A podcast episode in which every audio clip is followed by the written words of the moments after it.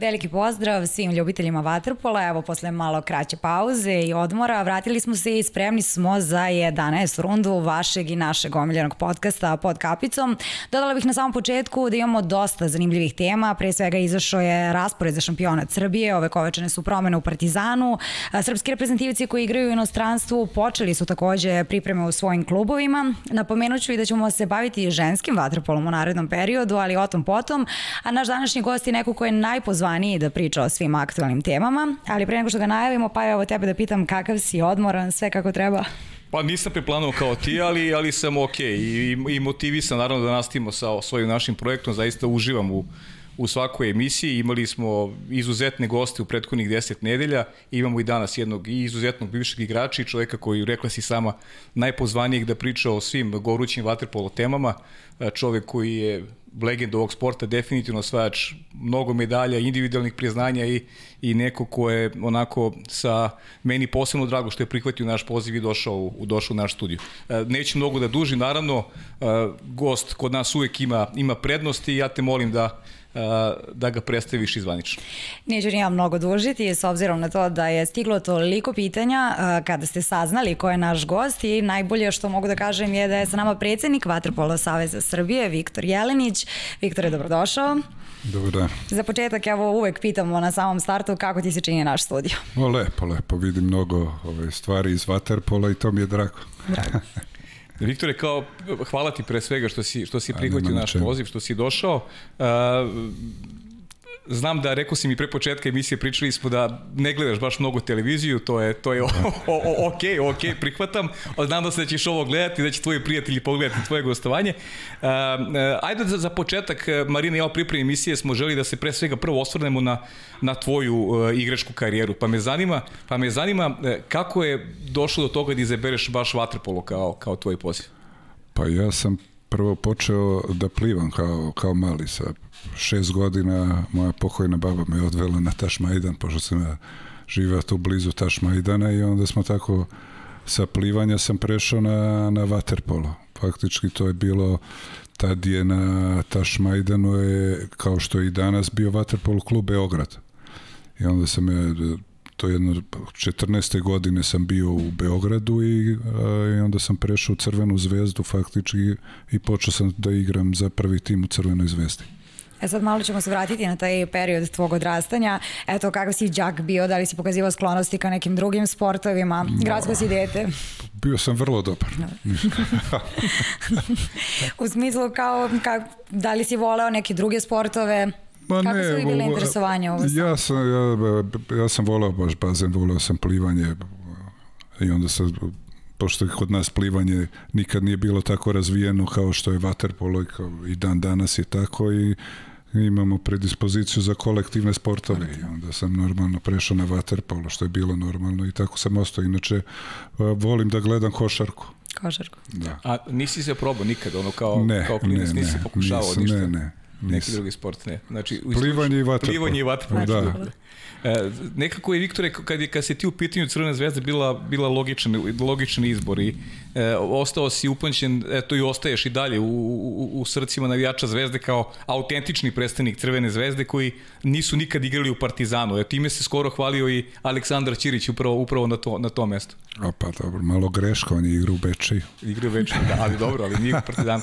nije igrao u Partizanu, ali igrao u Bečeju. Ja sam faktički jedini koji koji nije igrao ni u jednom klubu u Srbiji sem u Crvenoj zvezdi. Evo rekao sam ti pre početka emisije, bio sam jednu godinu sam bio u, u Primorcu, u Kotoru, to je bilo 2000. na 2001. sezonu, da. posle olimpijskih igara u Sidneju. A pričat ćemo u tom periodu, sve ćemo da. onako dobrnemo teme. Ali, kaži mi, to te vjerojatno činite ponosni kao, kao, kao, kao, kao... Pa sigurno, ja, ja zvezdu volim, ja sam da, za zvezdu da. navio i kad sam bio klinac i to je normalno, normalno da je bilo. Ima, imao sam ja pozive od Partizana.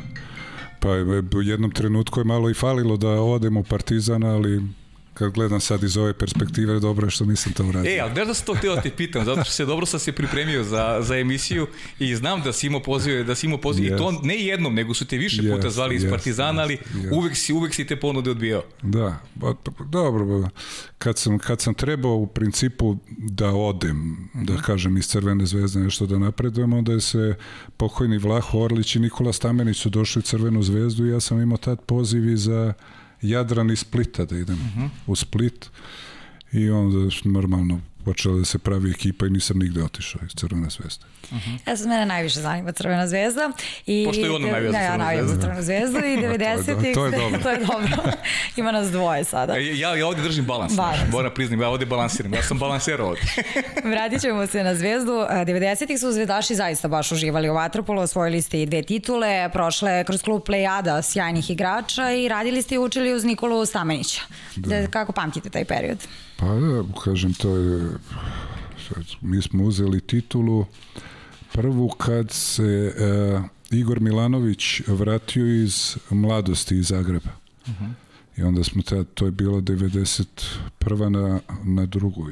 92. Jeste, 91. 91. na druga. Tako je. Onda druga titula bila 92. na treći. Tako je, tako je. I ma, to su bile, to je bio period sankcija. To je bio period sankcije i mi smo ta, ta prva titula, je, izgubili smo kup, ali smo uzeli prvenstvo. Isto tako sledeće godine je bilo tad Igor Milanović je već otišao, nije bio u klubu i, i uzeli smo tu drugu titulu, ali to bilo kažem, u vreme sankcija imali smo pripreme te za olimpijske igre u Barceloni 92. godine gde nismo otišli zato što su nam uveli sankcije i, i posle ta ekipa prva koja je prvu titulu osvojila sa Zvezdom je trebalo da igra Ligu šampiona. Imali smo vrhunsku ekipu da, da se igra Liga šampiona, ali zbog svih tih stvari nije nije se odigrao.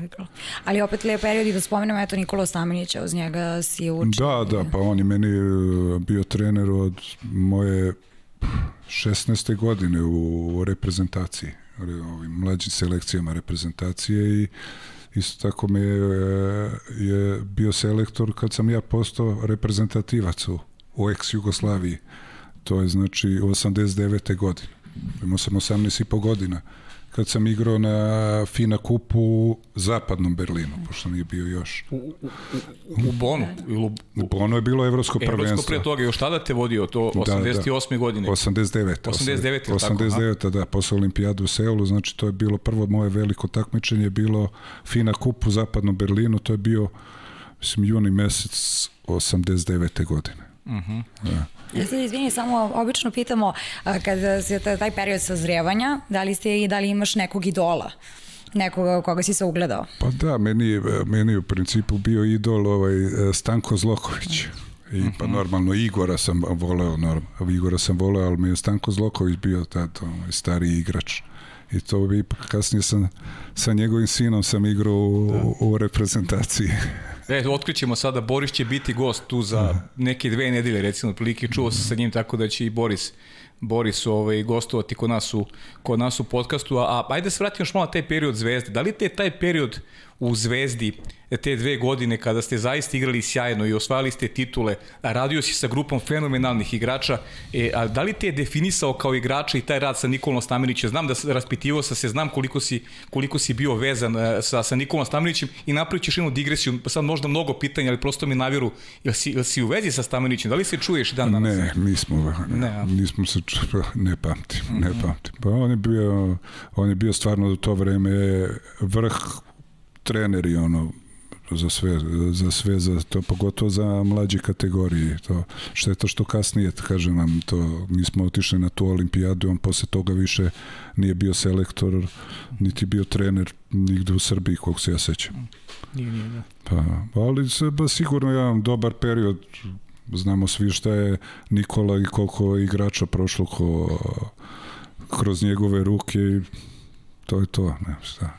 A, ali, ali te, si ti osjetio da si tada onako, e, da li si ja tada sam... osetio u Zvezdi da ćeš imati lepu karijeru, tada u tom periodu? Ja iskreno da ti kažem, ja sam tek kad sam otišao u Italiju. Aha.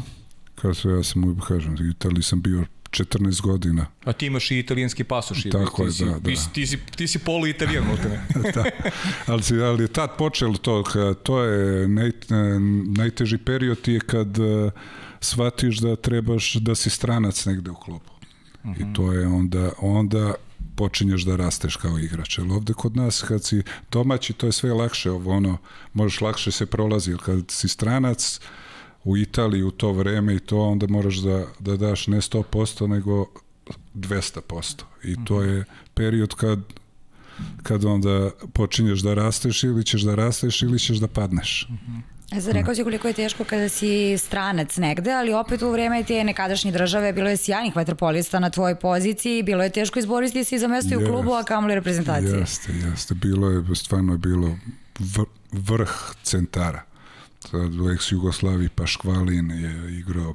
Pa ja sam baš na njegovo mesto došao. Oni su igrali 88. u Seulu i ja sam, ja sam igrao 89. Isto tako igrao pokojni Dušan Popović. Dušan Popović, da. Pa te, eto, toj konkurenciji ti si da. otišao u Bond. Dušan Popović nije išao u Bond, recimo. Jeste, i on je bio u Bonu. A bio u Bonu i on, jeste, tako? Jeste, ja i on smo bili u Bili Bonu. ste zajedno u Bonu, Tako je, i on je bio u Bonu i bio je Mladen Delić, jedan isto ovaj, iz Juga, on je bio mm -hmm. mlađi, on je 69. godište, a i ja i Pop smo 70. bili.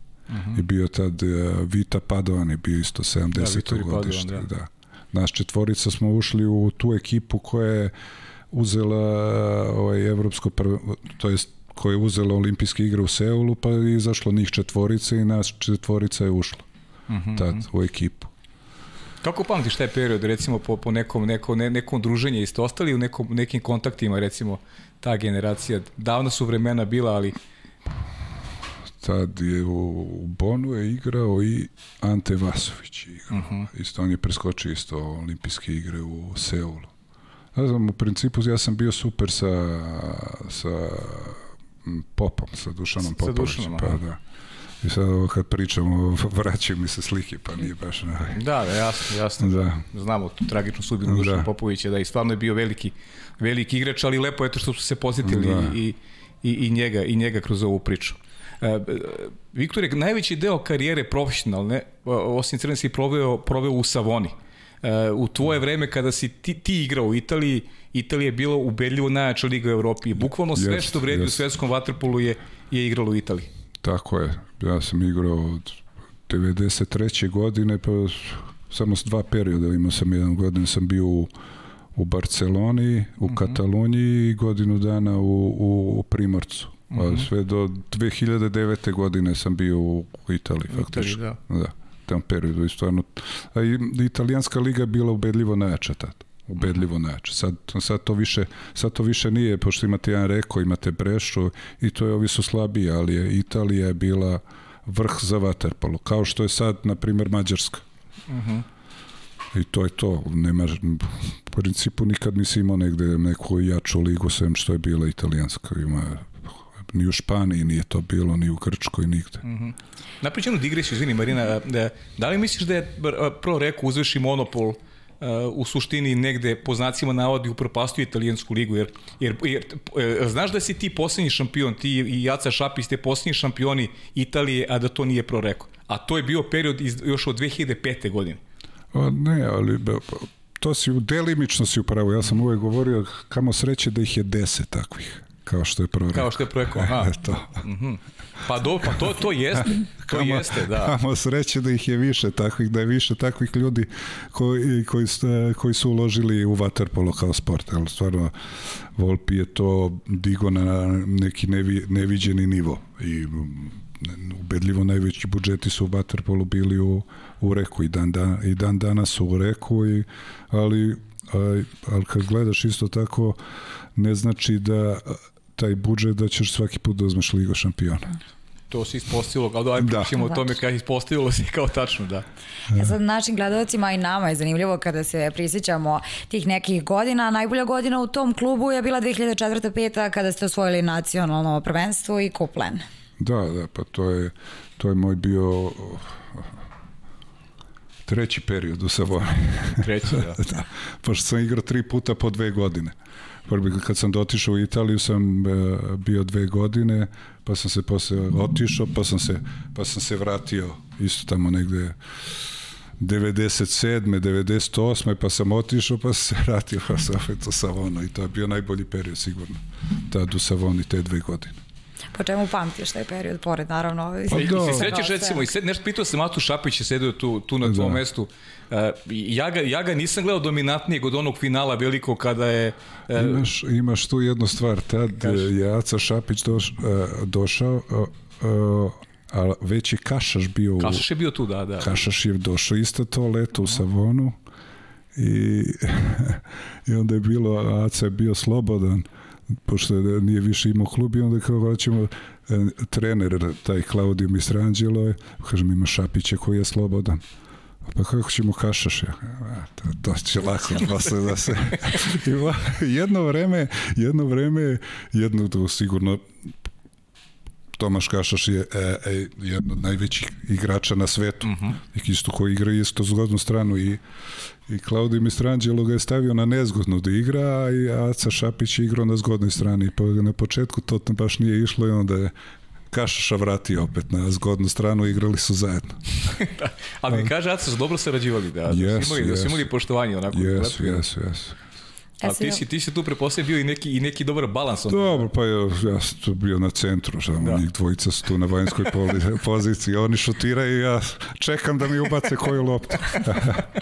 e sad ja moram malo iz ženske perspektive, mene to uvek zanima, da. kako je Savona za život? Dosta si je vremena proveo tamo, italijanska kuhinja, italijanska vina? Pa sigurno to vreme u Italiji se živelo samo ka, ono, italijani su bili tamo da, da da putuješ i gde ćeš da ideš u restoran. restoran. To je, ta, to, je ta, to, to bilo to vreme sigurno. Ma, meni Savona ostalo u prelepom sećanju tamo. Meni se čerka stra, starija rodila u Savoni.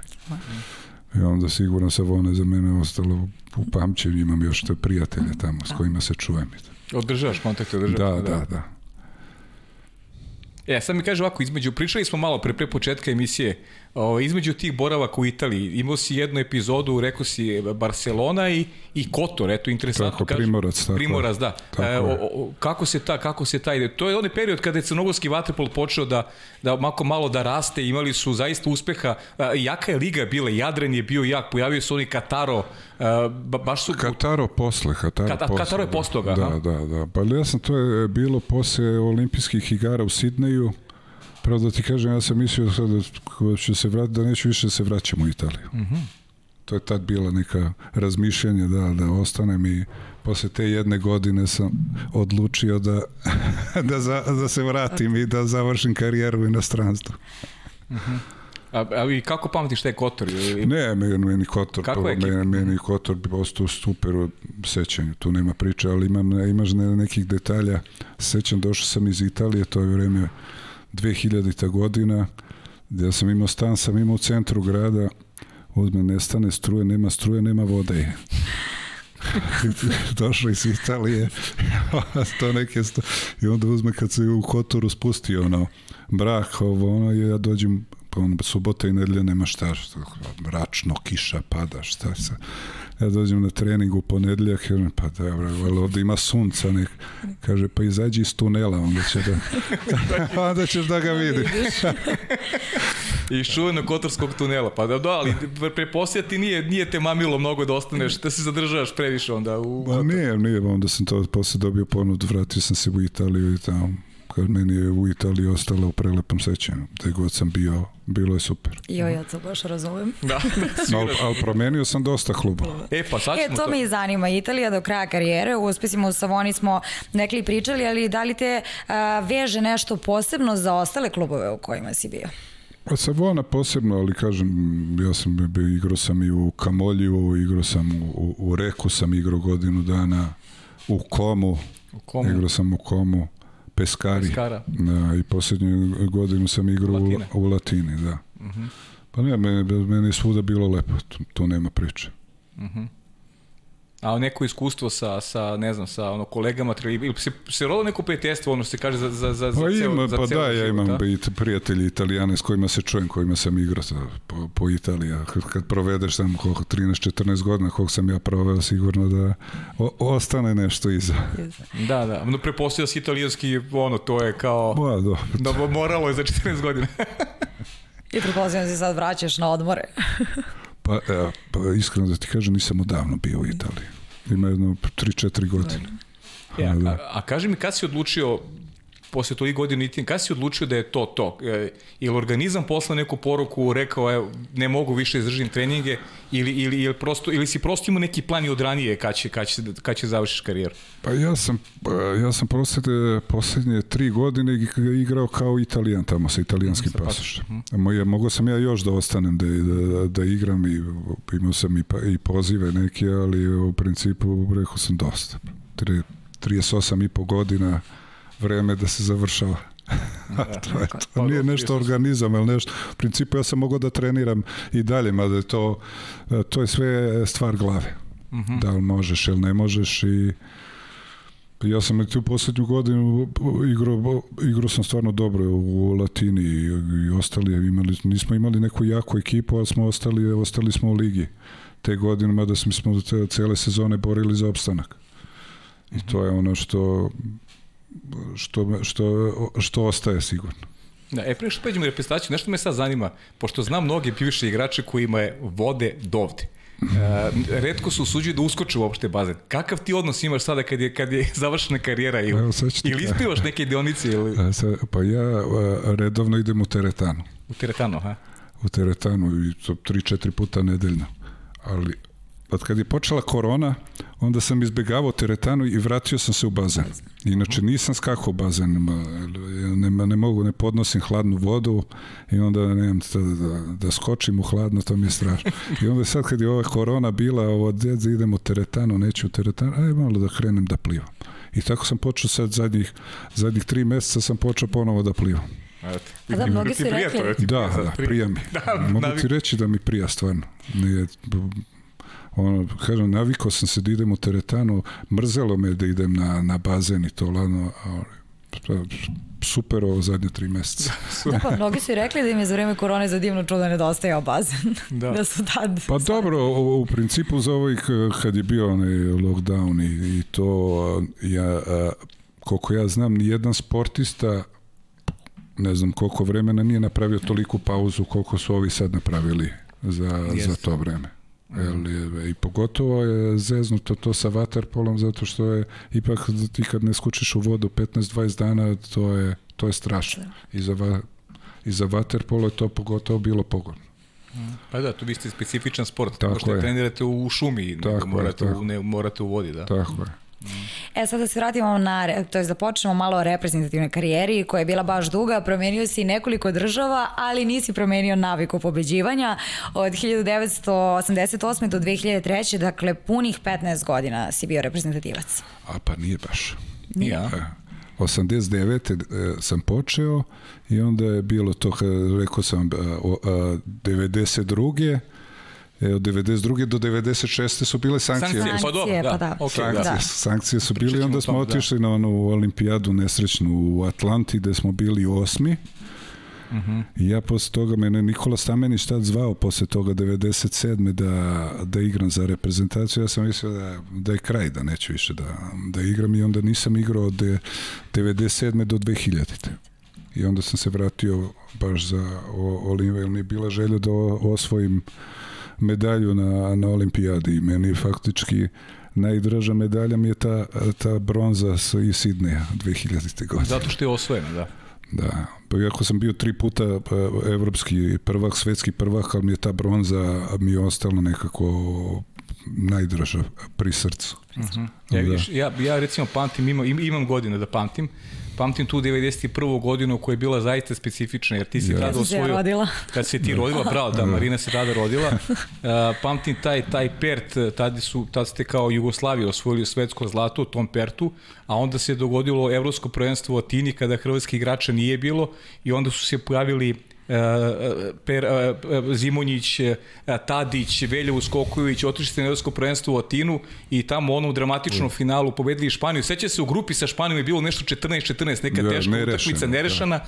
i onda u tom finalu opet utakmica sa mnogo golova gde ste, da, gde ste osvojili evropsko zlato. I, I Šoštar nije branio. Tada. I Šoštar nije branio, da, Tadić je branio, da, Tadić je branio yes, to finale. Yes. Pa to je, te 91. smo mi počeli počeli smo pripreme, išli smo na a, mediteranske igre u, u Atini.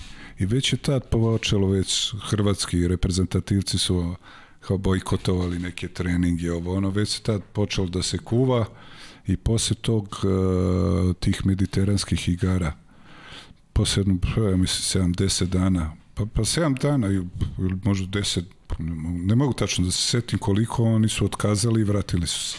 I onda smo mi imali te kratke pripreme da smo otišli na, na evropsko prvenstvo u Atini bili prvi. Da, ili, ili te podsjeća možda, e, ja, volim da napravim tu paralelu 91. i, i ovo, ovo svetsko prvenstvo uh, u, u Rimu, gde je ova generacija uh, Fića, Andrija, uh, kada su otišli bukvalno bez ikakvih očekivanja na svetsko prvenstvo i tada je generacija u stvari pokazala da je, da je spremna za velika dela. Da li te možda ta 91. Da li može se povuče ta paralela, paralela jer došlo promene, ja mislim da niko 91. u Atini nije očekivao da, da, da, da možda se osvoji pa, zlato. Nije, nije. Mi smo, mi smo se nadali ako uzmemo medalju da će da bude super, ali, ta, ali ta ekipa je trebala da ide kasnije na, na olimpijske igre u Barcelonu i nismo otišli. To, da. je, to je veliki žal. To je bila vrhunska ekipa koja je mogla da konkuriše za, za zlato na, na olimpijadi.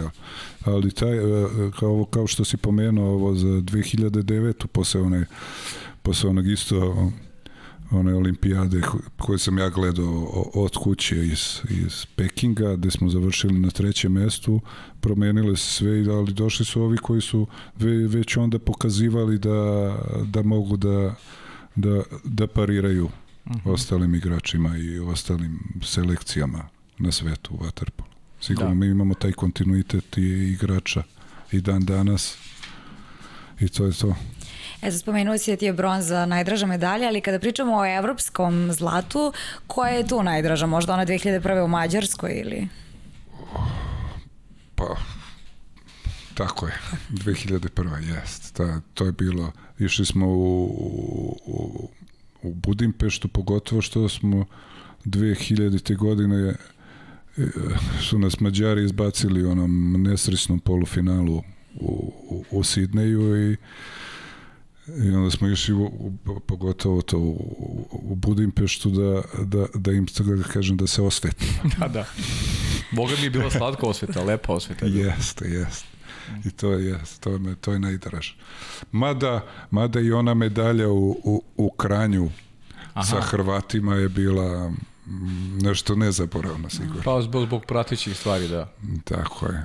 Pa, ja, pa, pa ste imali da neke stvari. Stoji, stojali smo, sećam se, Dejan Savić je broj nosio šesticu, ja sam nosio sedmicu i spremamo se da na bazen i on vidi, ono, dranje, ludilo, Hrvati na sve strane i u jednom trenutku se čuje glas kao iz uh, lepa sela, lepo gore, ono. Čedo, četniče, sad ćemo da vas koljemo. ja i deki se gledam, čuvam, ja, čuvam.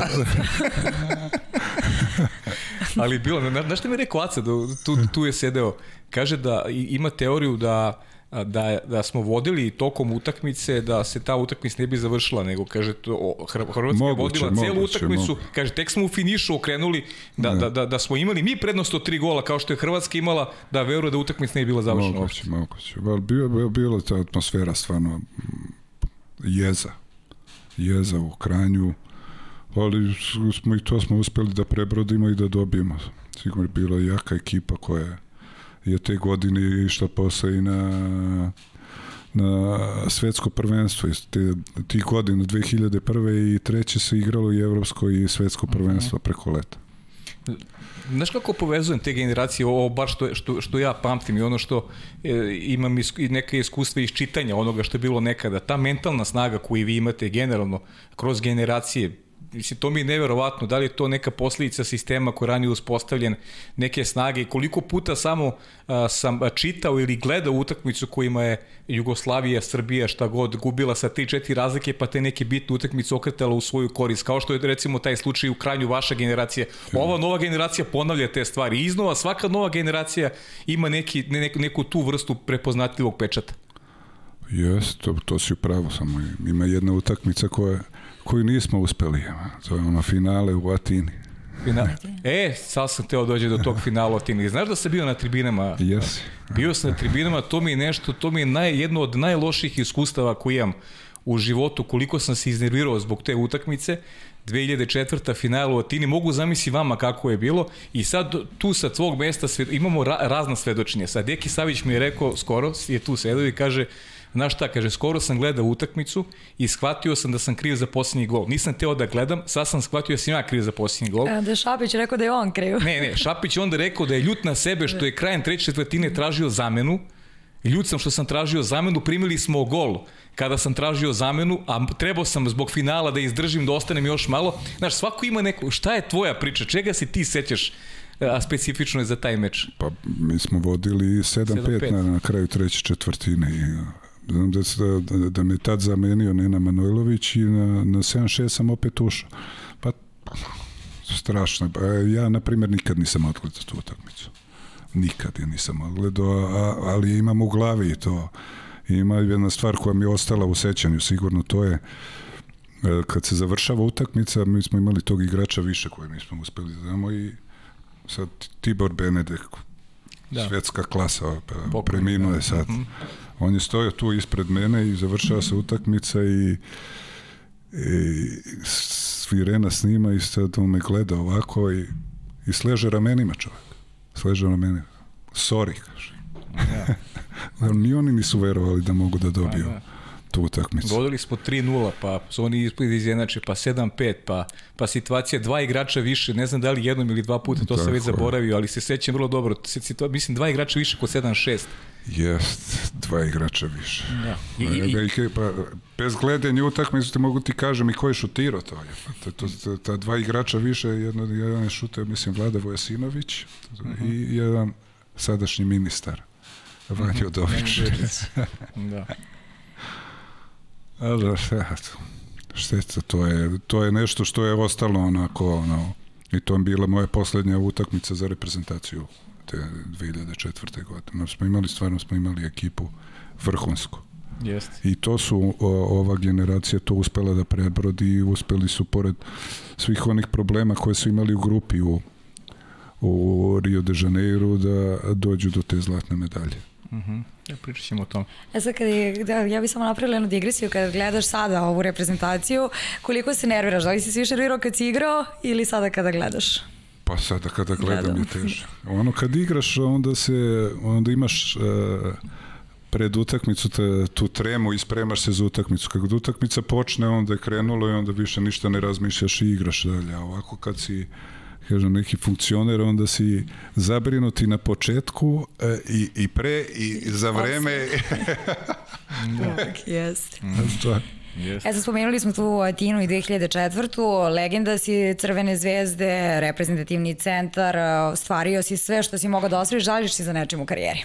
Pa evo za ovim, za zlatnom medaljom u, u, u Atini. U Atini. Da. Mm. To je ono što je ostalo onako na, na kraju da a, nije se ostvarilo.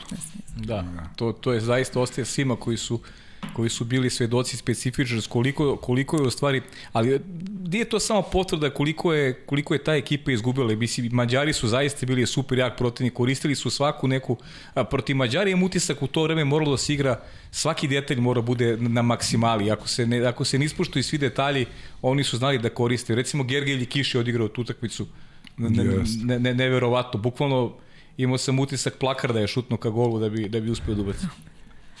A ne, pa šta, pa šta da ti kažem? Kad vodiš celu utakmicu i, i, i, i na kraju izgubiš tako i posle, pogotovo posle, kažem ti, posle Sidneja gde smo izgubili u polufinalu i, i svega i dođeš na tu na te olimpijske igre gde smo se mi spremali stvarno da dođeš u to finale, vodiš sve vreme, već, već smo svi videli da ćemo da uzmemo to zlato i, i, i na kraju. Ali šta je to? Je, to je sport. Tako je. Ja, kaži mi, kad ovako, ko ti je bio najteži igrač, e, najteži rival, tačnije, od, od, od, od igrača, e, od igrača i od reprezentacije? S kim si mu najviše muka da ga, da, da, da... U, pa, Najteže mi je bilo sigurno protiv onog jednog Amerikanca, Jesse Smitha. A Jesse pa, Smitha? Pa, pa, pa, taj kad uvati za ruku, prekine ti krvotoke. Jesse Smith igra, mislim, u Evropi dosta, je tako? Jeste, jeste, igra, igra.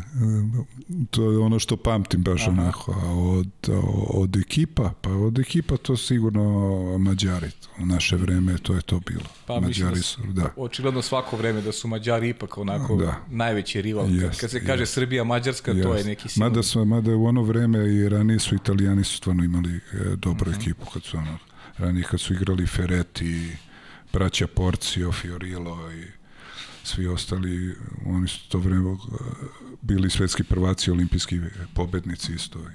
I, i kasnije su imali e, jaku reprezentaciju. Ali bi sad ti težak rival bila Španija, recimo? Španci jesu, jesu, ali ne toliko. Mi smo uvek uspevali da dobijemo Špance. U, u, ranije, sad, sad su nam izgleda... E, pa to, to.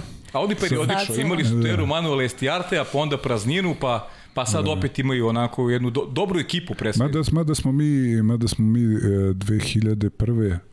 izgubili od njih e, finale u Fukuoki svetskog mm -hmm. prvenstva. Jeste. Koliko je bilo, ne mogu se setim, 4-2-3-1, ne mogu. 4, da, nešto, 2, da, ma, na mali broj golova, da. Tako je bilo, tako. Izgubili smo od njih, oni su igrali fantastično to, to svetsko prvenstvo. E sad ono što mene zanima, kako ti sebe gledaš kao igrača? Da li danas kad gledaš nekog centra pomisliš, e, ova igra kao ja? Ma ne, ne, ne. gledam isto. Mogu da gledam samo ovako ka, kako neko igra i to, da, da poredim sa sobom, to ne. E, ne. e, ali, teo sam da ti pitan kasnije, ali, ali se iskoristio si moment, e, pošto pričam, znaš, e, sa, sa, sa mnogima iz tvoje generacije i to, i, i baš sam od većine e, su mi rekli da si ti bio preteča modernog centra, neko ko je i sa tom visinom i imao i izuzetnu brzinu, da si čak mogu da sprinteš i za loptu koliko si bio brz plivač. Jeste, ja sam imao to, pa, pa sam bio pliva, plivački, sam bio dominantan za, za, za centre u to vreme. Pa morao sam da imam, baš što nisam ništa nešto fizički bio jak. da. rekao sam ti već za, ovo, da. za Jesse Smitha i to, ali, ali sam, zato što sam se kao mlađi bavio plivanjem i onda sam... Evo, bavili su i drugi, pa opet nisu bili... Da, ali to je neka, to je neka aerobna sposobnost koja ti kasnije daje to da možeš da, da, da plivaš, mada, mada i, i, i to brzinski sam bio među najbržima u ekipi. Pa zato na kažu, kratke na kratke na kratke da, staze da. da, da pa zato da. kažu da možda Duško Pjetlo iz početka karijere neke Jest. da da ovako podseća Jest, podseća da, dosta. Madula je vrhunski centar, da, to da. nema nema priče, Madula je top topova. Mhm. -huh. I dan danas, i dan danas to je to je mentalna snaga, njegova fizička snaga, to je naš jedan od najboljih centara, ako ne najbolji centar na svetu. Uh mhm. Ubedljivo sad. Će, kakav je sad sa, kakav je sad sa zdravljem i to ove, bio, je skoro, bio skoro tu, kaže da je dobar. Kaže da je dobar, dobar, dobar. dobar, kaže sve, sve je u redu. kaže mi, koliko se Vatepolo promenio danas u odnosu na, na, na tvoje vreme kada si ti igrao? Ili sada više dominira fizička snaga nego, nego što je to bio ranije slučaj? Jeste, više dominirala sad sa ovim pokušavaju sa ovim novim pravilima opet da anuliraju fizičku snagu što je što je dobro. Ranije su igrači mogu, mogu da igra svako vaterpolo i da i da se kreativnost, znanje i to da, da možeš da, da, da ti daje prednost i kasnije, kasnije su uveli tu snagu, rvanje i, i onda, se, i onda je vaterpolo je postao, po meni nije bio lep. Sad mhm. ponovo s ovim novim pravilima trebalo bi, trebalo bi da se poboljša, mada u principu imamo, mi imamo problem sa tim igrač više, igrač manje koji po meni kako da kažem, zagušuje utakmicu. Uh -huh, uh -huh. Zagušuje utakmicu. To su neke stvari koje ti sad u modernim sportovima trebaš da imaš brzinu.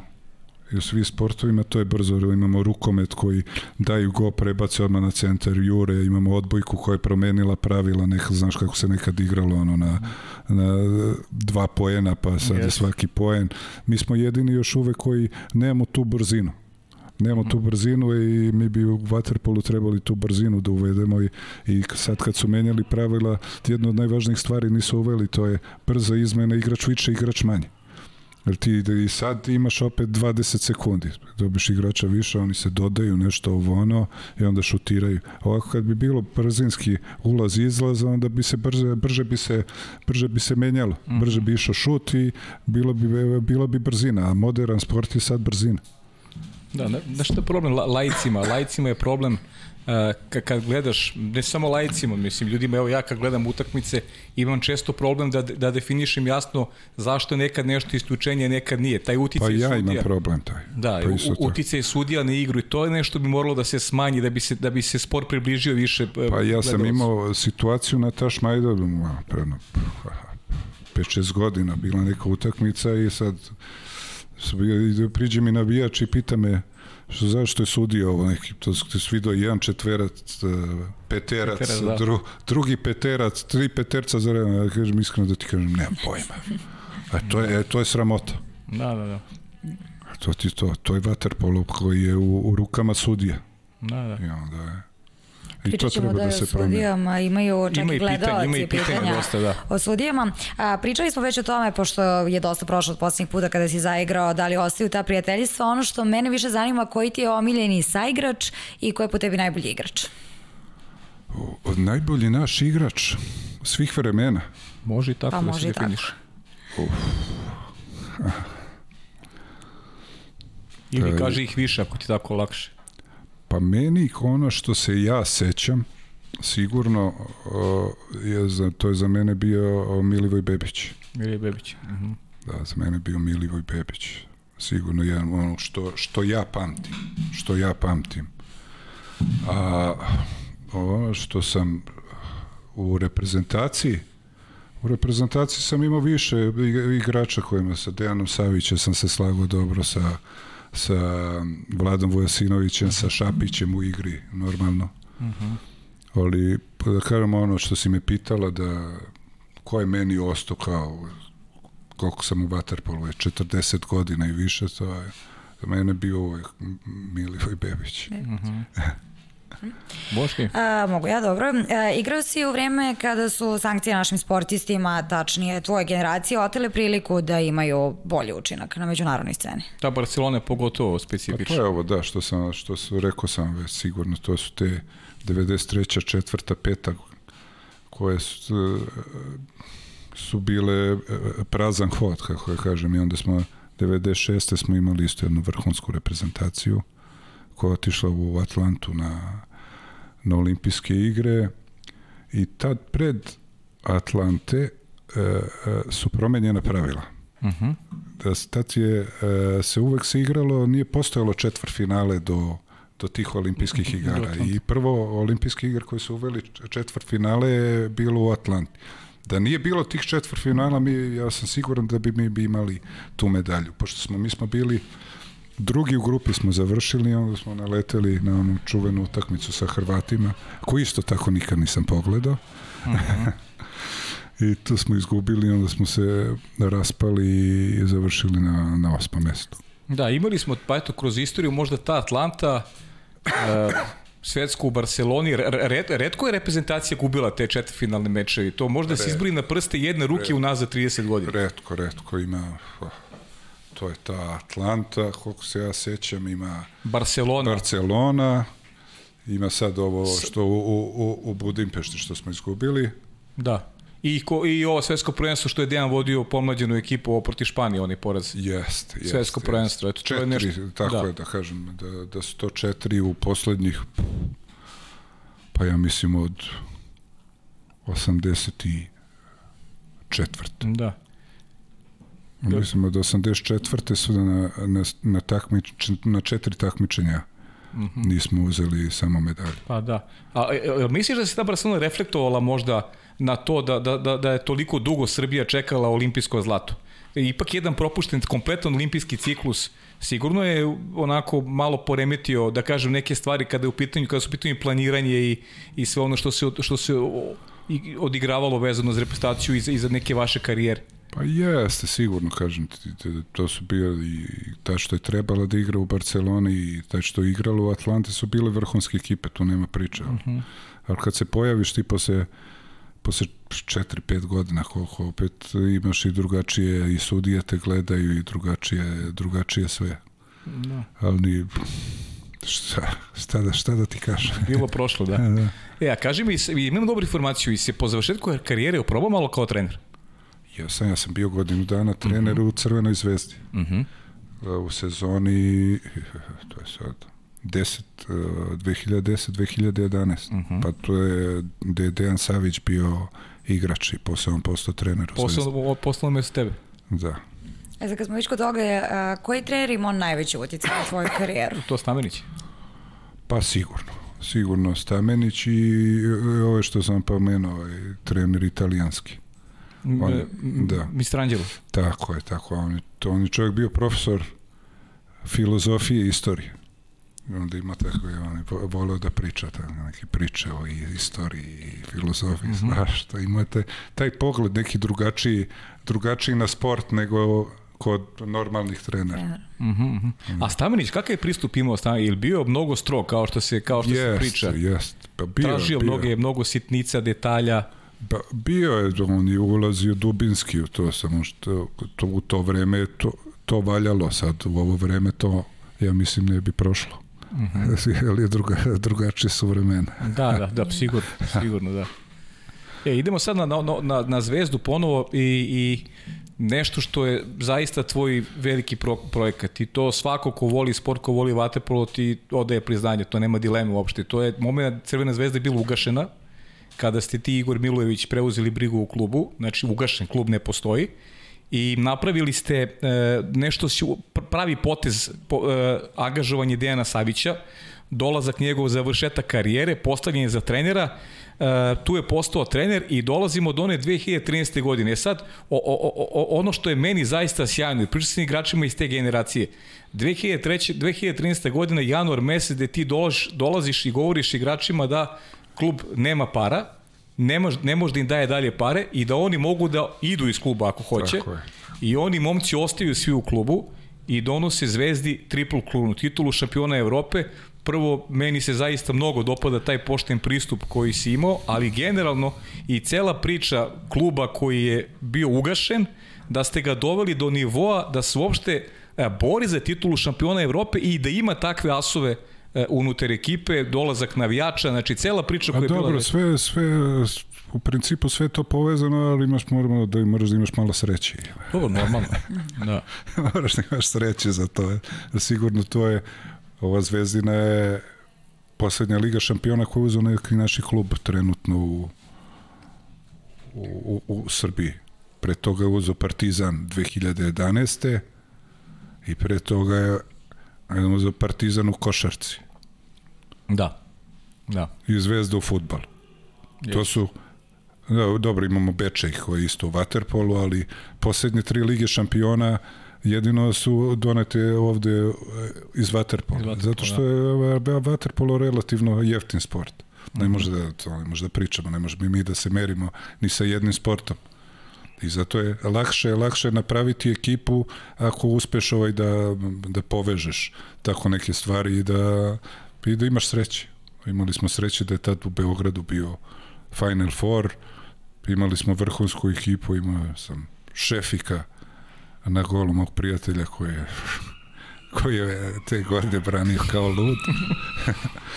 I to je to. I uspeli smo, ali ovo što si rekao, Zvezda je bila ugašena i kad sam se vratio iz Italije krenuli smo da je, da je obnovimo i tako smo, tako smo krenuli. I ima, ovo isto sreće je bila da je te 2012. godine pro rekao od, odustao od mm -hmm. Lige šampiona yes. i da ne, nisu hteli da plaćaju igrače, zadržali se, mislim, samo italijanski igrače mm -hmm. i mhm. tako smo mi povukli Andriju Prlajinovića i, Duška. i tako je, i Duleta Pjetlovića iz u Crvenu zvezdu, mada te je te godine i radnički bio odličan. Odličan. Bila jaka liga, da. Kako je radnički bio odličan. Pa dole, trebalo izaći pre te ljudi reći, I ljudi, su. nemate, ne, nema para, radite što, mislim, Kasnije su pare došle tu, Okej. ali, ali u tom trenutku nisu bile. pa to, pa to. Pa to je, pa, to je boljka ovog našeg sporta. To je boljka ovog našeg sporta, a u principu svih sportova u Srbiji. Da, da se ne lažemo. Nije to da, da svi uspevaju redovno da plaćaju igrače i da, da je to kao u Švajcarskoj. Nije.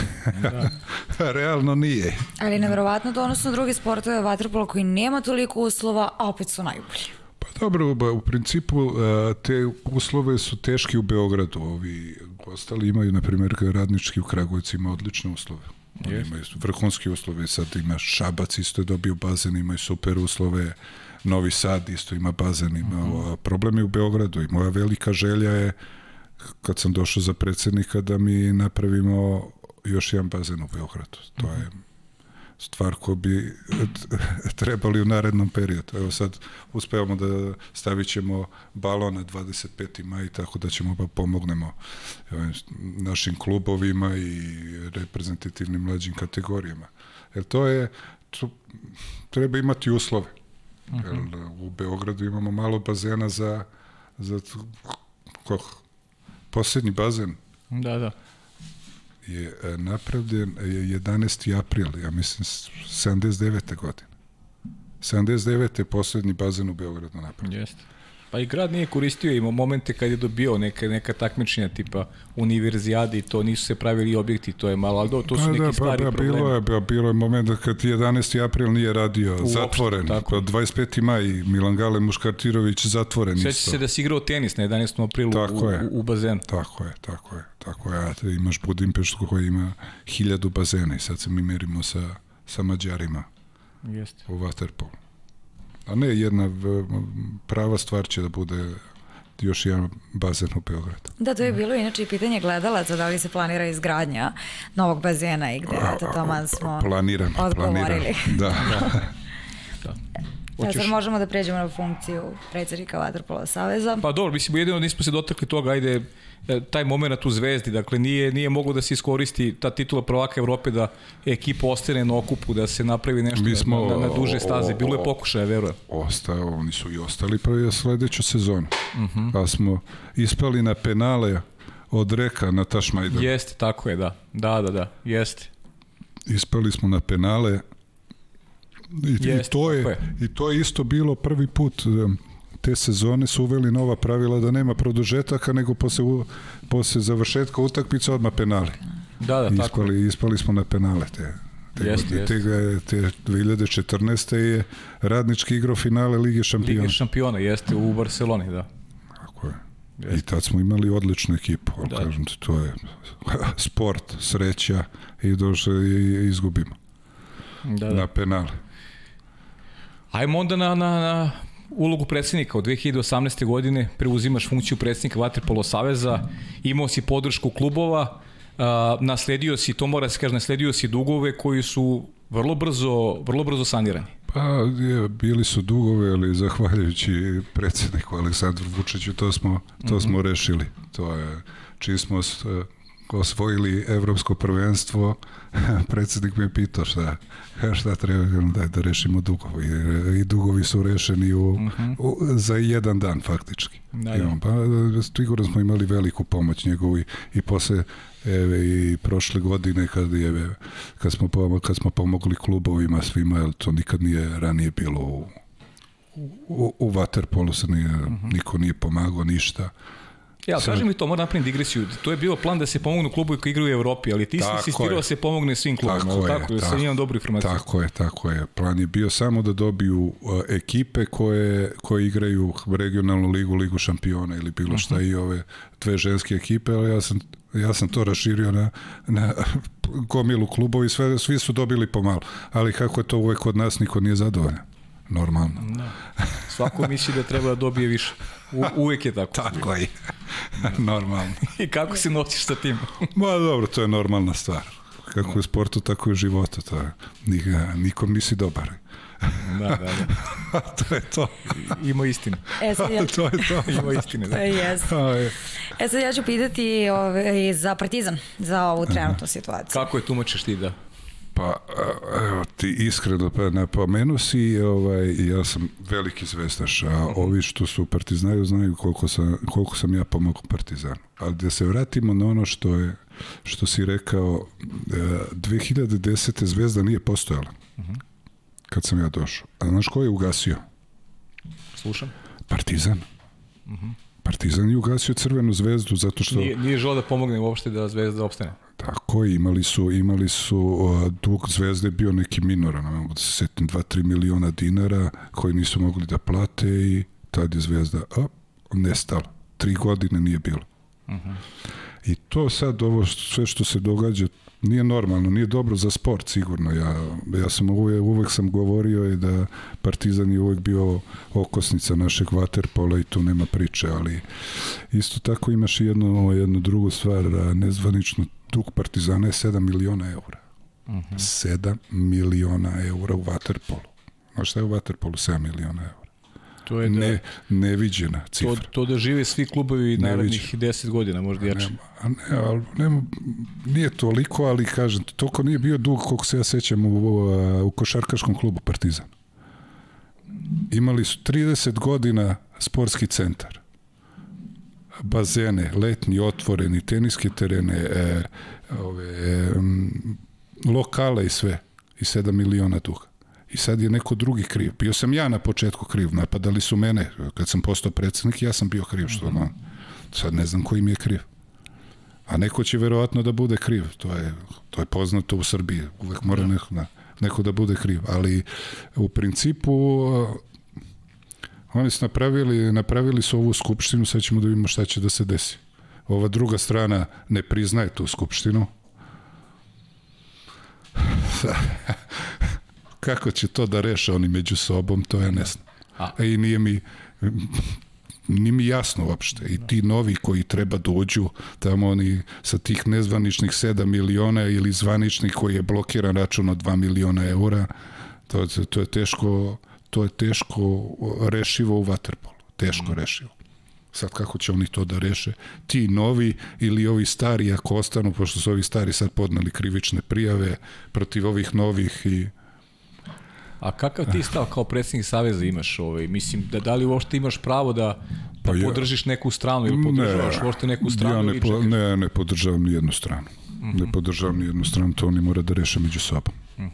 Pa ni, na, ni Zvezdi niko nije pomagao kad smo bi- bili blokirani šest meseci, pa su hteli da nas gase, pa su nas ugasili i, i sve živo. Ko je pomogao? Da. Niko. A, a znaš šta me zanima? Ovako, to možda nije pitanje za tebe, to je više za institucije pitanje. Kako je moguće da, da neko ko napravi toliki dug, da može i dalje da sedi e, u bilo kom e, sektoru, a da ne odgovara za, za, za, za Pa upravo, u, u bilo kom pa klubu, u upravo bilo kojoj oblasti. Pa upravo, pa to, upravo si 100%, ali nema, e, ovako kako, kako se vodi klub, tako moja baba može da vodi. Isto Pa, pa jeste, ali... Pa tako je, pa šta? Pa, A evo, možemo mi da sednemo sutra, tako- vodimo bilo šta, ako ćemo tako pravimo dugove i da sedimo i dalje. Tako je, pravimo tug i šta, ko doći će posle to neko da plati, šta, kakve to veze ima. Da, ili neće plati, zamolit ćemo da se ne plati, idemo Pa iz tako. početka, ugasit ćemo Pa da. se pa iz Pa početka. da, pa sve, moguće. Pa, za, nije normalno, nije normalno. Klub, kao i bilo koje preduzeće, treba da se vodi kao da vodiš svoju kuću. Jasno. Kao da vodiš familiju svoju. Kad budemo imali taj nivo svesti da to da to bilo gde u državi vođenjem preduzeća, vođenjem klubova, kad se dođe do toga, onda smo mi dostigli jedan vrhunski nivo. Jel, ovako ne može, ne može. Ne možeš da, ne može da se funkcioniše da ti praviš dugove. Za, za, zašto? Ima tu i subjektivnih i objektivnih problema, ali u jednom trenutku kad ti kad vidiš da ne možeš više da, obezbediš pare ili nešto, ne možeš da obećavaš nekome 10 dinara, a nemaš ni dinar. Pa ne, ali, ali pritom i tvoj glas, šta ti obećavaš ako imaš dug? Kome ti obećavaš? Kako, koliko je tvoja reč validna? Koliko ima, ima, ima težinu ako obećavaš, a, a, a imaš dugove iza sebe? Pa ne znam, to moraš da pitaš igrače. Da. Pa dobro, mislim, To pitaj. moraš da, bi, to moraš da pitaš nekog koji poveruje u to. Da. Pa Šta pa da znaju oni svi koje, koje probleme imaju i kredite za stanove i, i, i dugove i sve. Pa, Nije, nije normalno, ne, ne pričamo o Partizanu, Ne, ne, jasno, ne. pričamo i o Zvezdi i o bilo kom klubu, pa Tako taj, je. pa taj radnički, to je novi radnički. Novi radnički, da, da. Nije onaj što je igrao e, što je uzeo kup, Jeste. kup Evrope i igrao finale Lige šampiona. Tako je, Jeste, tako je, tako je, to je novi. naravno. E, pa je li to normalno? Naravno da nije. A nije normalno. Naravno da nije, o Nije. tome i pričamo. Si- si- Sistem je takav da o tome govorimo, da, da, da, da je sistem takav da, da, da nema odgovornosti. To je nešto što, je, pa što ne- nije dobro, pa, sigurno. Pa ne možeš da nemaš odgovornosti. Ne možeš Tako je. ako vodiš, ne, ako vodiš ne, ne, nekog ili savez ili klub ili javno preduzeće ili bilo šta, moraš da imaš odgovornost. Moraš da imaš odgovornost. Ne možeš. Ne, kako? Ako se sve tako, ako se sve smo tako vodili, pa smo došli gde smo došli. Da, da, Pa i u futbalu u Zvezdi gomila dugovanja, košarka, futbal, sv- svuda su bila ogromna dugovanja. Jesu, da. To je veliki problem. Tako je. To je kao ja sam Pavle Žiković, sutra sam uzeo neki kredit od ne znam 2 miliona i, i kažem sutra promenim ime i kažem nisam više Pavle Žiković, ja sam sada Ratko Perović. Ja sam Ratko Perović i nemam ta dugovanja, ovo nisu moje dugovanja. To je onaj Pavle Žiković, kreten, on je to uzeo. Ali Tako taj, je, tako da, je. Pa bukvalno- kažem ti, to je, to je jedna od osnovnih stvari koja treba da se promeni. Da, da. Jedna od osnovnih stvari. Kad dođu ljudi na sva moguća mesta koji, koji budu razmišljali tako, mi smo, Da, mi da. smo završili posao. Okay. na, na vrhunskom nivou ćemo da budemo. Normalno, pa, pa Sla, to ne, je to. slažemo se, slažemo se potpuno, slažemo se potpuno oko toga. Pričat ćemo tek o Partizanu, pogotovo u narednoj emisiji. A ja sam na početku ovog podcasta spomenula da ćemo ugostiti vaterpolistkinje, pa eto da iskoristim priliku da te pitam kako je stanje u ženskom vaterpolu. Pa evo, kad sam došao, pa, pa i pre mene isto, koji Krivokapić je počeo sa, sa, sa vaterpolom, malo da se dižemo i to je, e, kad sam ja došao, stavio smo selektorku za, za da vodi reprezentaciju Draganu Ivković se, stvarno se bori za taj, za, za taj ženski vaterpolo i mi u principu po meni mi smo mnogo zakasnili u tome. Smo mi, mi smo bili ovaj, kako se to kaže Balkanci oni koji nisu gledali ovaj, da žene treba da se bave vaterpolom Da, a, a, vidite, a vidite šta je u odbojci kako, kako, je, kako se odbojka ženska digla. A nama je iskreno taj ženski vaterpolo i pomogao da ostanemo na olimpijadi zato što se ženski vaterpolo igra svuda na svetu igraju Amerikanki, Kanadjanki, Australijanke, Kineskinje i sve. Znači, nacije, da. Ali mi smo imali taj pristup, taj... Balkanski. Tako je. Dobro, znači diže se polako, ja znam, znam Polako, pa da to je to je, zvezda to je dobra, znam da tako ima. Mhm. je, pa to je težak, to je teško je to, pa tre- treba promeniti normalno i taj naš, eh, naš stav da eh, devojčice ovde u principu da će da idu na vatru, ne ići će na odbojku. Mhm. Pa ja bi prvi posao Ja sam čerke dao kad su bile marke na odbojku, nisam ih dao na ženski vaterpolo. E, e, aj, to ćemo pričati o porodici. Znam da imaš dve čerke, pričat ćemo to na kraju, na kraju ćemo pričati o tome, da.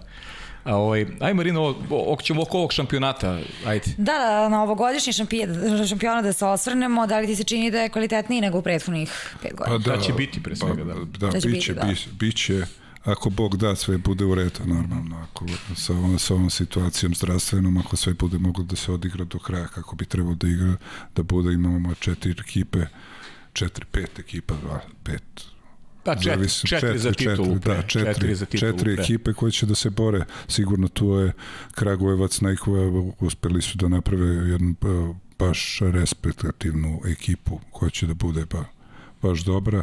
Ove ostali imamo tu i Šabac i 11. april i Crvenu zvezdu i ba, u principu svi će tu da se bore Mhm. za da uzmu prvenstvo i kup.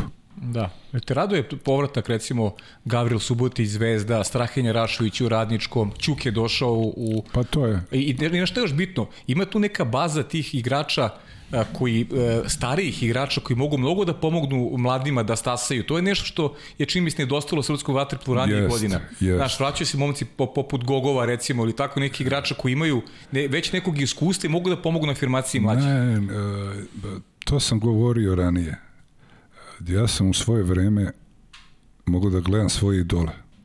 Mm -hmm. Mogu sam da igram protiv njih. A ovi naši nemaju. ovi mlađi. I ovo je dobra stvar. I vrhunska stvar je bilo kad su Bijan Prlinović, Tuško Pjetlović, Vanja Udovičić, kad su se te godine 13. 14. kad se igralo. Jer to su neke stvari koje ti ostanu kao detetu i kao i koje te posle određuju prema nekom sportu. Kad ti vidiš nekog svog idola, kad ga gledaš uživo, ne ga gledaš na televiziji. To nije isto. Nije isto. To je, I to je, to je neka vrhunska stvar. Kad bi mogli, ja sam imao ideju da mogu da, da se vrate više njih, ali, ali teška su vremena normalno i pogotovo sad sa ovim, sa ovom bolešti i svim ovim što se dešavalo, ali polako vidjet ćemo šta će da bude. Ali ja se nadam da sa ovim su ova četiri kluba da će sigurno da bude jače prvenstvo. To je, nema priče. Na šta mi se sviđa u cijeloj priči, da moram podeliti s tobom, da znam prosto da je bilo nekih ideja olimpijskog komiteta i svega da se da se još nešto pomogne apropo apropo yes, a to mi yes. zaista mi se baš dopada ta yes. ideja. Šteta ta korona što je neke stvari možda pokvarila jer bilo je sjajno, bili su repestici tu na, na, na pripremama, moglo je to da se iskoristi za, i za neke akcije, ali nažalost situacija je takva, a mislim da je baš bila onako jedno, jedno, jedno, eh, jedan, jedan zreo potez i zrelo vreme da, da tokom leta navijači uživaju u vaterpolu u društvu svih ovih repestivaca koji su bili na, jednom, na, na, na, na okupu prosto. Pa to, pa to je, to je sigurno, ali ti znaš ka šta se dešavalo da, da. letos. da. Mm. okay. Šta je moglo da se uradi? Ništa. Dobro, bitna, bitna ideja, znaš kako. Nekad je bitna ideja da bi se, da bi se prepisala za neko, za neko drugo vreme, bolje vreme. Pa, u principu, vaterpolo je letni sport. Uh -huh. pa to je ovaj, ovaj trener što sam, što sam govorio, taj Klaudije. On je govorio, on je govorio, uzme sladoled, dođeš, ližeš i gledaš utakmicu. Uh -huh. Napase. A ne zatvoreno ovde. Ko više dolazi na, na utakmice vaterpo? Iskreno, ja sam i tog porta ceo život.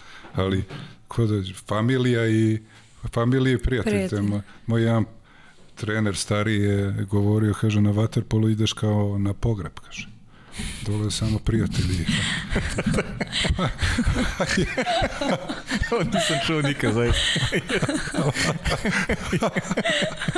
da si čuo za Mihajla Šajna? Jesam, čuo sam, e, u Zvezde. Iz Zvezde. Jeste, jeste. E, ima, imamo e, neku to, bazu, imamo neku je, bazu u glavi, znaš, da, da, znam, Zvezde. To je, to je njegov Odlično, odlično, stvarno, nisam nikad čuo. Ali to, smo, ali to smo uspeli u jednom trenutku da promenimo ovo kad je bilo ovo sa Zvezdom, Liga šampiona i to osvajanje, to znaš koliko je bilo pun tačka, krcato ljudi, ali ali opet se po, ponovo se vratilo na ovo. Sjajno. A će biti to tvoja misija da probaš, da probaš kao predstavnik Saveza da, da, da negde e, utičeš, da sprovedeš to u delu da se vaterpolo igra leti e, kod nas u neku, neku narodnu periodu? To ne zavisi od nas, to zavisi od ovih e, tamo iz Fine, iz Lene. Iz Lena, da. Tako je. Znam zavisi. da su i tu promene se dešavaju sada pa isto. Pa da, treba, ali teško je, teško je to vratiti na neki, na neki nivo. Jer waterpolo je ovde kod nas neka starija vremena, to uvek bilo puno. Da i onda i ono vreme sankcija je bilo krcato na Taš Majdanu i svuda gde smo igrali. Yes. A je, to je voda, to je letni sport, to je to kako se ulazi na zagušljivi bazen preko zime. Da. Mm, jest. Doći će ako stvarno imaš koga da vidi, šta da vidi to, Tako ali je. u principu to je to. E sad da se vratimo još malo na reprezentaciju. Kakva je budućnost ove reprezentacije nakon Tokija kada se oproste velikani? Kako pa gledaš? Ja sam, ja sam optimističan uvek. U principu imamo mi još ovu, kako se zove, dečake i te momke koji mogu da, da, da se bore za reprezentaciju. Biće, biće teško sigurno posle, ovo, posle ovi, ovi posle ovih legendi, kako da kažem, koji, koji će da odu, bit će teško, ali teško je nastav, uvek je teško nastaviti da imati taj kontinuitet, ali mi imamo te momke koji će da se bore za reprezentaciju i koji će da, da igraju da dalje. Kako će dalje da se nastavlja posle, ti, posle tog Pariza, to sad trenutno nemam ideje, a ne znaju to ni ovi iz Fine, iz Lene, pošto nas po svaku cenu hoće da izbace vaterpolo i to da smanje da smanje ekipe koje će da, da igraju na olimpijadi i da, da naprave od vaterpola takozvani beach vaterpolo. Mm -hmm. to, je ne, to je neka ideja koja ide. Sad, A to odavno se priča o tome, jel, koliko, je to, je. koliko je Viktore to realno zaista se dogodi? To bi bilo zaista pogubno za sport. Da, da li je realno ili nije realno, to, će, to ćemo da vidimo šta će da se desi sad. Mm. Sad oni to gledaju, svi, svi gledaju iz ove perspektive finansijske. To je ovo što ti ja pričam. Waterpolo je totalno finansijski ništa. Mm -hmm. Ništa. Waterpolo je društvena odgovornost. Društvena odgovornost, kao što je kao što je škola, kultura ili bilo šta. Jer to nije, to nije sport da, ne, da ti možeš nešto da zaradiš i to. Nema to. Država mora da pomogne. Tu nema, tu nema priče. Kao što, je, kao što je uvek bilo. Profitabilan sport koji je? Futbol. Možda košarka. Možda košarka. Ovo ostalo je pogotovo vaterpo. Pogotovo vaterpo. Mm -hmm. Znaš kako, bio mi ovde i Deki Savić, e, jednu stvar, sjajnu stvar je rekao i meni se mnogo dopala da da bi da želi da ostane selektor Srbije i da mu se ne ide uopšte inostranstvo, da je njemu najlepše ovde i, i sam me zanima onako da li može Viktor Jelenić kao predsednik Saveza da potvrdi da će, da će Dejan Sajević ostati selektor i nakon Tokija, ukoliko Tokija uopšte bude, to je nešto što se nismo dotekli kao teme, to je neizvestno zbog pa, koronavirusa. To, će, to ćemo da vidimo sve, normalno. To je to, to, je, to nam prestoji sad. Pa, ja i ovaj, Deki smo pričali, već, već smo sve dogovorili, on to, to vodi, -hmm. pa vodi, bilo ili ne, da, ne da. bilo olimpijada, da, da, da. to kad ćemo da vidimo. Da. Ja se nadam da će da bude sad. Da, teško, teško. Nada poslednji umira, kako se kaže. Mi, šta, šta teško? Teško da će biti... Po meni teško. Gara. Po meni, ja mislim da, ali kažem ti, nada poslednji umira i žao mi je žao mi je da ova, ova generacija po legendi da, da ne odigra svoje neko, da kažem, poslednje takmičenje. Mm. To, to bi bilo njihov, njihov ono, krov, da li, da bi mi uzeli medalju, ne bi uzeli medalju, ja sam siguran da, da bi mi uzeli medalju. Uveren sam u to. Uveren, tu nema priče. Ali zbog njih kao, kao igrače i sve je glupo da završe karijeru tako što su igrali neko evropsko prvenstvo u Budimpešti koje su bili peti. Jeste, da. Yes. Znaš kako ima simbolike neke, baš pričam sa njima. Počeli su maltene Rim, peterci sa Španijom kad su uzeli svetsko zlato i sad možda im se dogodi da završe repestivne karijere opet sa Španijom na peterci, ali, ali sa porazom. Da. E, baš ima, bi... ima, ima, neke, ima neke simbolike. Nije lepo, ali šta da se radi? Vi, Užas. Viša sila, da. da, da. E sada da ti pitam kako si zadovoljan radom struke, ima li dovoljno dobrih trenera i da li ti se čini da su deca danas razmoženija, da nisu spremna kao nekada u ekstremnim uslovima da dođu do sportskog cilja? Pa sigurno je drugačije vreme za, za, za decu, to, to nema priče. Mi smo ranije razmišljali o sportu i ovo kad nisu postojali telefoni, nisu postojali te igrice, video igrice i sve to, to totalno je drugačije se drugačije i a ovo što se tiče trenera i mi imamo struku još uvek imamo najjačih trenera na svetu. Tu nema priče. Kako će to kasnije da bude ali svi su sad uh, trebaš da bi imao profesionalca trebaš da ga platiš mm. kao u svakom poslu a pošto su financije uvek problem, to je u, u Waterpolu ste sad no, no, više neko radi pa je trener ovih kasnije uveče, malo imamo tih da kažeš profesionalaca koji bi se koji bi to koji bi se posvetili tom poslu da kažemo od ujutro do uveče. Mhm. Uh A da li te, kako gledaš učinak mlađih kategorija u po, posljednjih godina? A pa evo sad smo u Kuvajtu smo bili drugi na svetu. Uh mhm. -huh. Posle mnogo godina. Da. Posle da. 2000, ja mislim 16. Tako uh -huh. nešto. 16 ili 17 kad smo bili kad smo bili treći. I to je to je super stvar, to je vodio Uroš, trener radničkog. Da. Imamo imamo tu jednu dobru generaciju stvarno klinaca koji vr, koji su odlični. Pa, kao što sam rekao, je, nastavljamo dalje sad, kako će, kako će da bude kasnije, posle te, tog Pariza, to ni ne znamo, da će da Waterpolo da bude ovakav kakav je sad, ni to ne znam. Da, da. Pa da, s obzirom da idu i te promene, final, N, znam da ima, postoji izbori i to kakva će biti odrednica kasnije, zavisi od, Pa i od, i od ti je- izbora u Lenu pre svega. Waterpolo, je, kako da kažem to, tamo u Fini, zadnji rupa nasvirali. Da, Iskreno, nema tu, od plivanje je tu vrh. jeste, da. Plivanje je vrh i plivanje je isto tako napredovalo. Jedini sport koji je kroz, kroz ove zadnjih tri, tri decenije koji je, da kažeš, nazad, ovo je waterpolo. Svi sportovi su otišli, imaju te sponzore, imaju gledanost, imaju sve, sem waterpolo. Imamo vremena za pitanja gledalaca. Ne, imamo, naravno, ali ajde, ajde samo za kraj, Marina, da mislim, Aha, da, imamo... e, imamo on, onu varijantu, Viktor ima dve čerke, A ne, ja sam mislila za kraj porodicu A, uvek porodicu se, ali ajde, možemo ajde, i kako sada. ti želiš, ne, kako ti možemo, želiš, možemo ajde. i sada. Ja uvek ostavim porodicu za kraj zato što smatram da je ona osnova svega. Pogotovo e, žena koja je podrška sve to vreme, a onda i deca kada dođu. A ovaj, tamo smo pričali baš i o devojčicama, rekao si si poslala na odbojku, ajde sada kada smo već, kad si već spomenuo. A iskreno, malo su trenirale odbojku, malo plivanje. Da, malo Pa plivanje. Da. Pa obe su, obe su se rodile u Italiji. Mhm. A Jedna u Savoni, druga u Komu. I onda su tamo su trenirala, ono, ću kažem, ženski sportove. Ili znači Ne, imaju ne, afinitet ka sportu.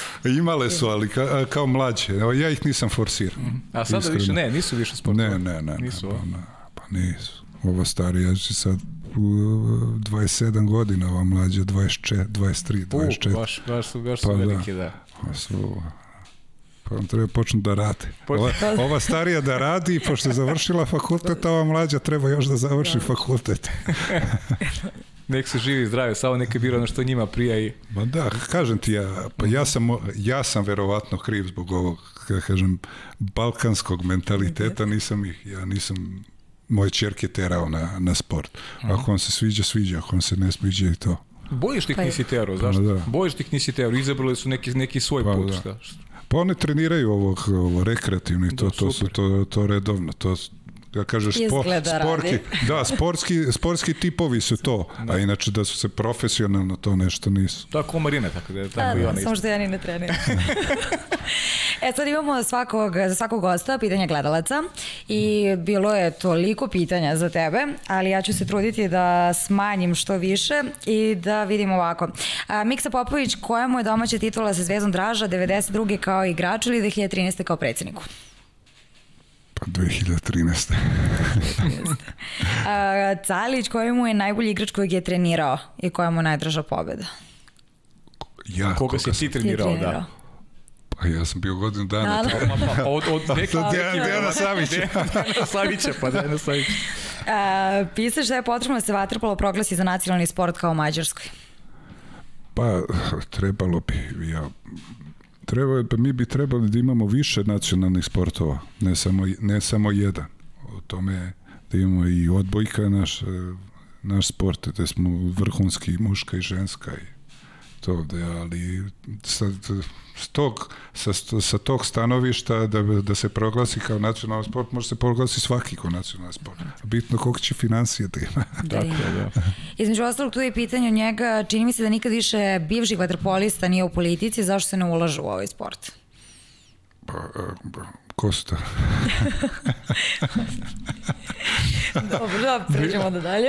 Da, pa znamo koja se, Udovičić, Udovičić. Aleksandar Šapić, pa da, pa, sad, što se ne ulaže, pa to trebate njih da da pitate. Da, da. E, Pa dobro, ministra, ministar je tu, ministar, on kaže da ne može ovaj, da se ulaže u klubove, zato što to nije po, ovaj, po zakonu.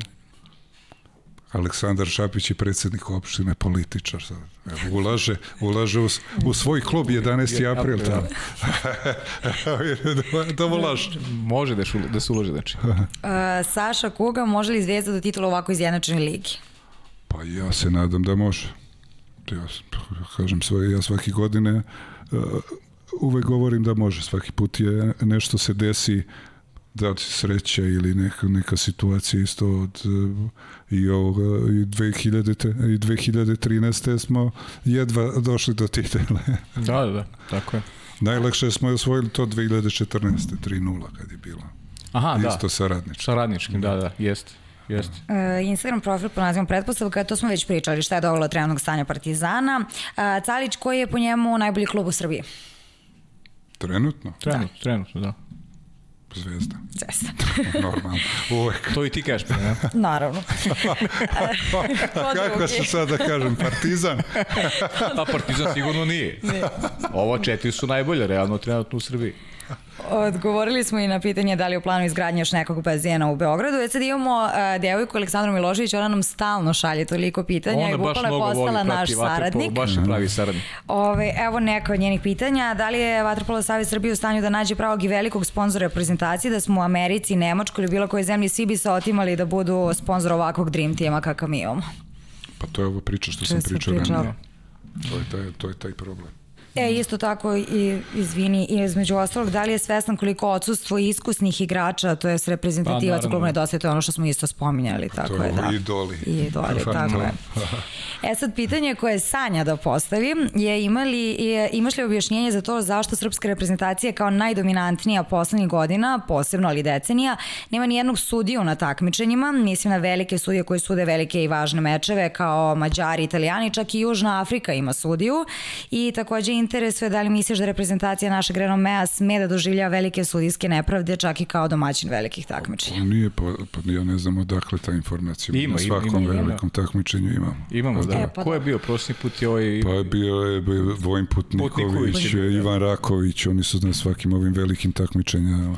E, pa Da, da. Svetska, da se- svetska, evropska prvenstva. Ali činjenica je da postoji problem, naravno. Sa- ali To smo pričali već ti od ranije. To nije ništa novo, to je nešto Pa što... dobro, to je, to je, to je tako vaterpolo. Da. Zavistan je mnogo od suđenja. Pogotovo s italijanima kad se igra, to je, Tako je.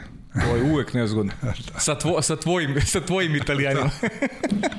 A, kako si počeo treniraš vaterpolo, to smo odgovorili, omiljena medalja, najdraža, to su sve pitanja gledalaca, ja sam sve izdvojila. Sa Crvenom zvezdom je radio neverovatnu stvar, uspio je za četiri godine da od kluba koji gotovo nije funkcionisao stvori prvaka, eto i to smo spomenuli. A, da li je, koji je najteži poraz pored Mađarske?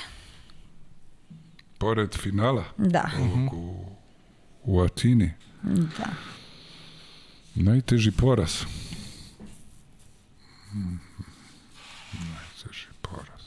Pa to, a neka ka- kao funkcioner, to mi sigurno. Najteži mi je, najteži mi poraz za ovo bilo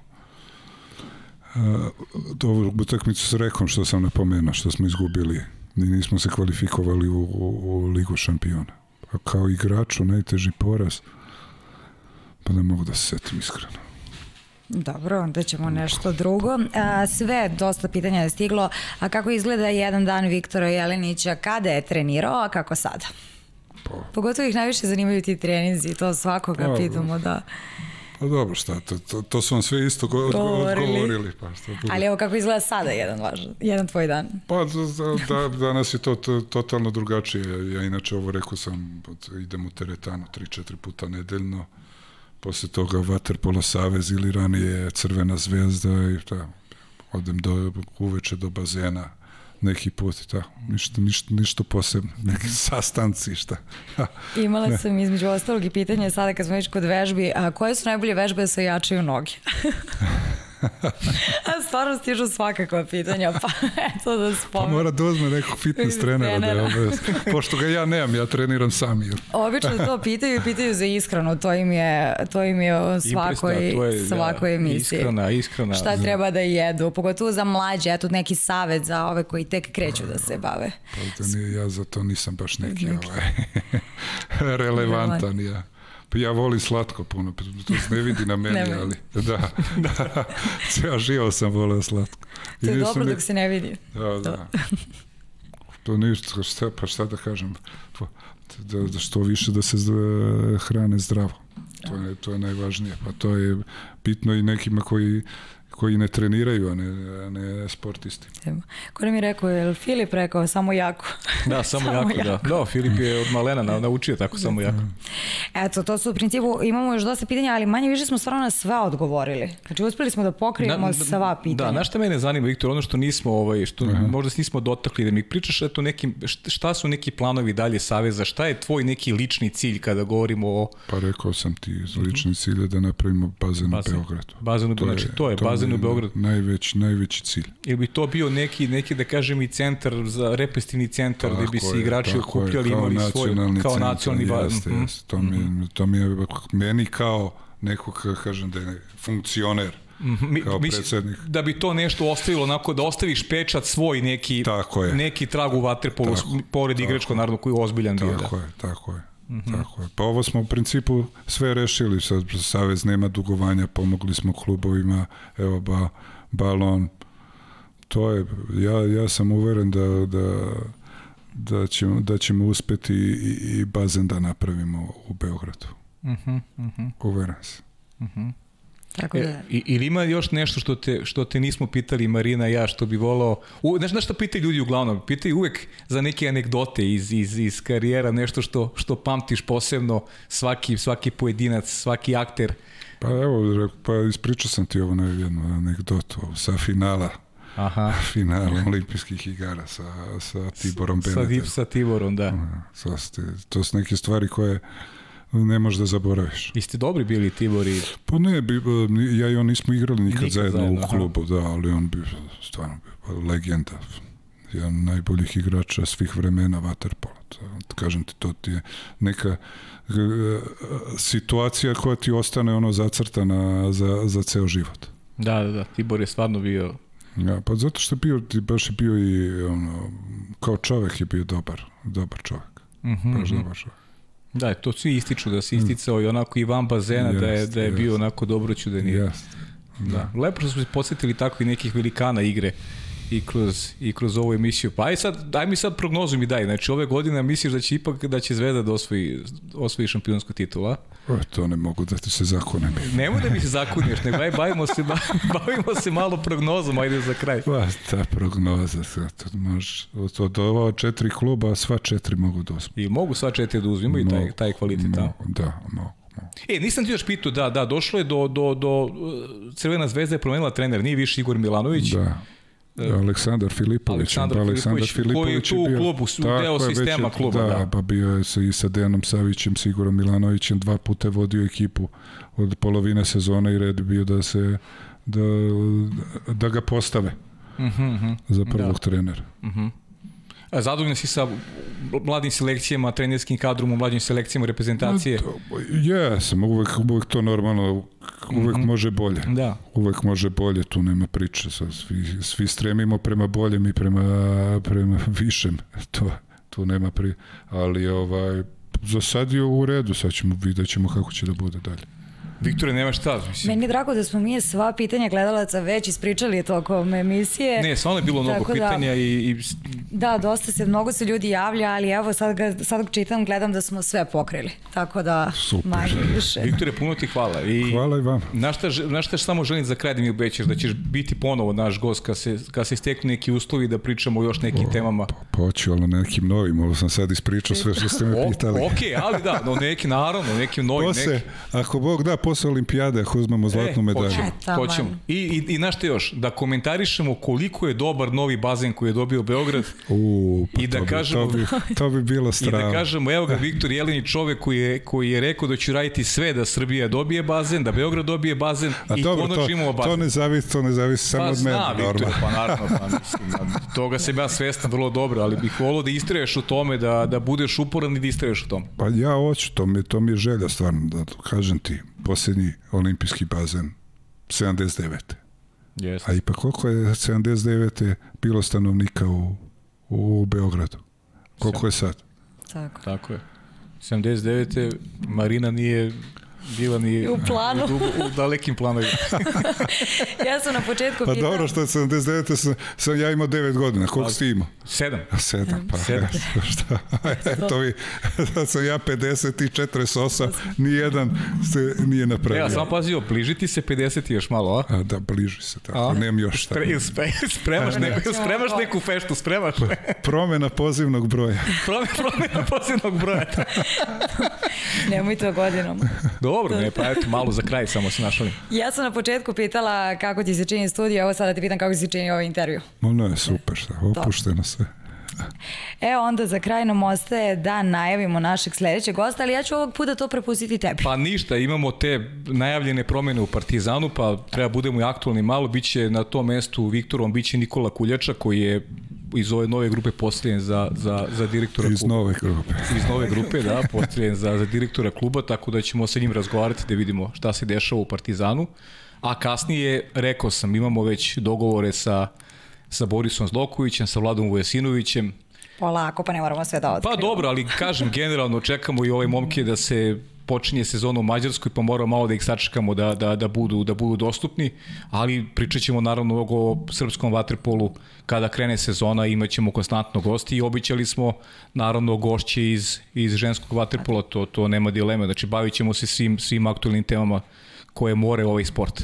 Eto, pa evo, najavili smo i sledećeg gosta, vi na našim Instagram profilima možete da postavljate pitanja za Nikolu Kuljaču. Hvala Viktore još jednom. vama. A vi ćete sigurno uživati uz ovaj intervju i vidimo se sledećeg četvrtka.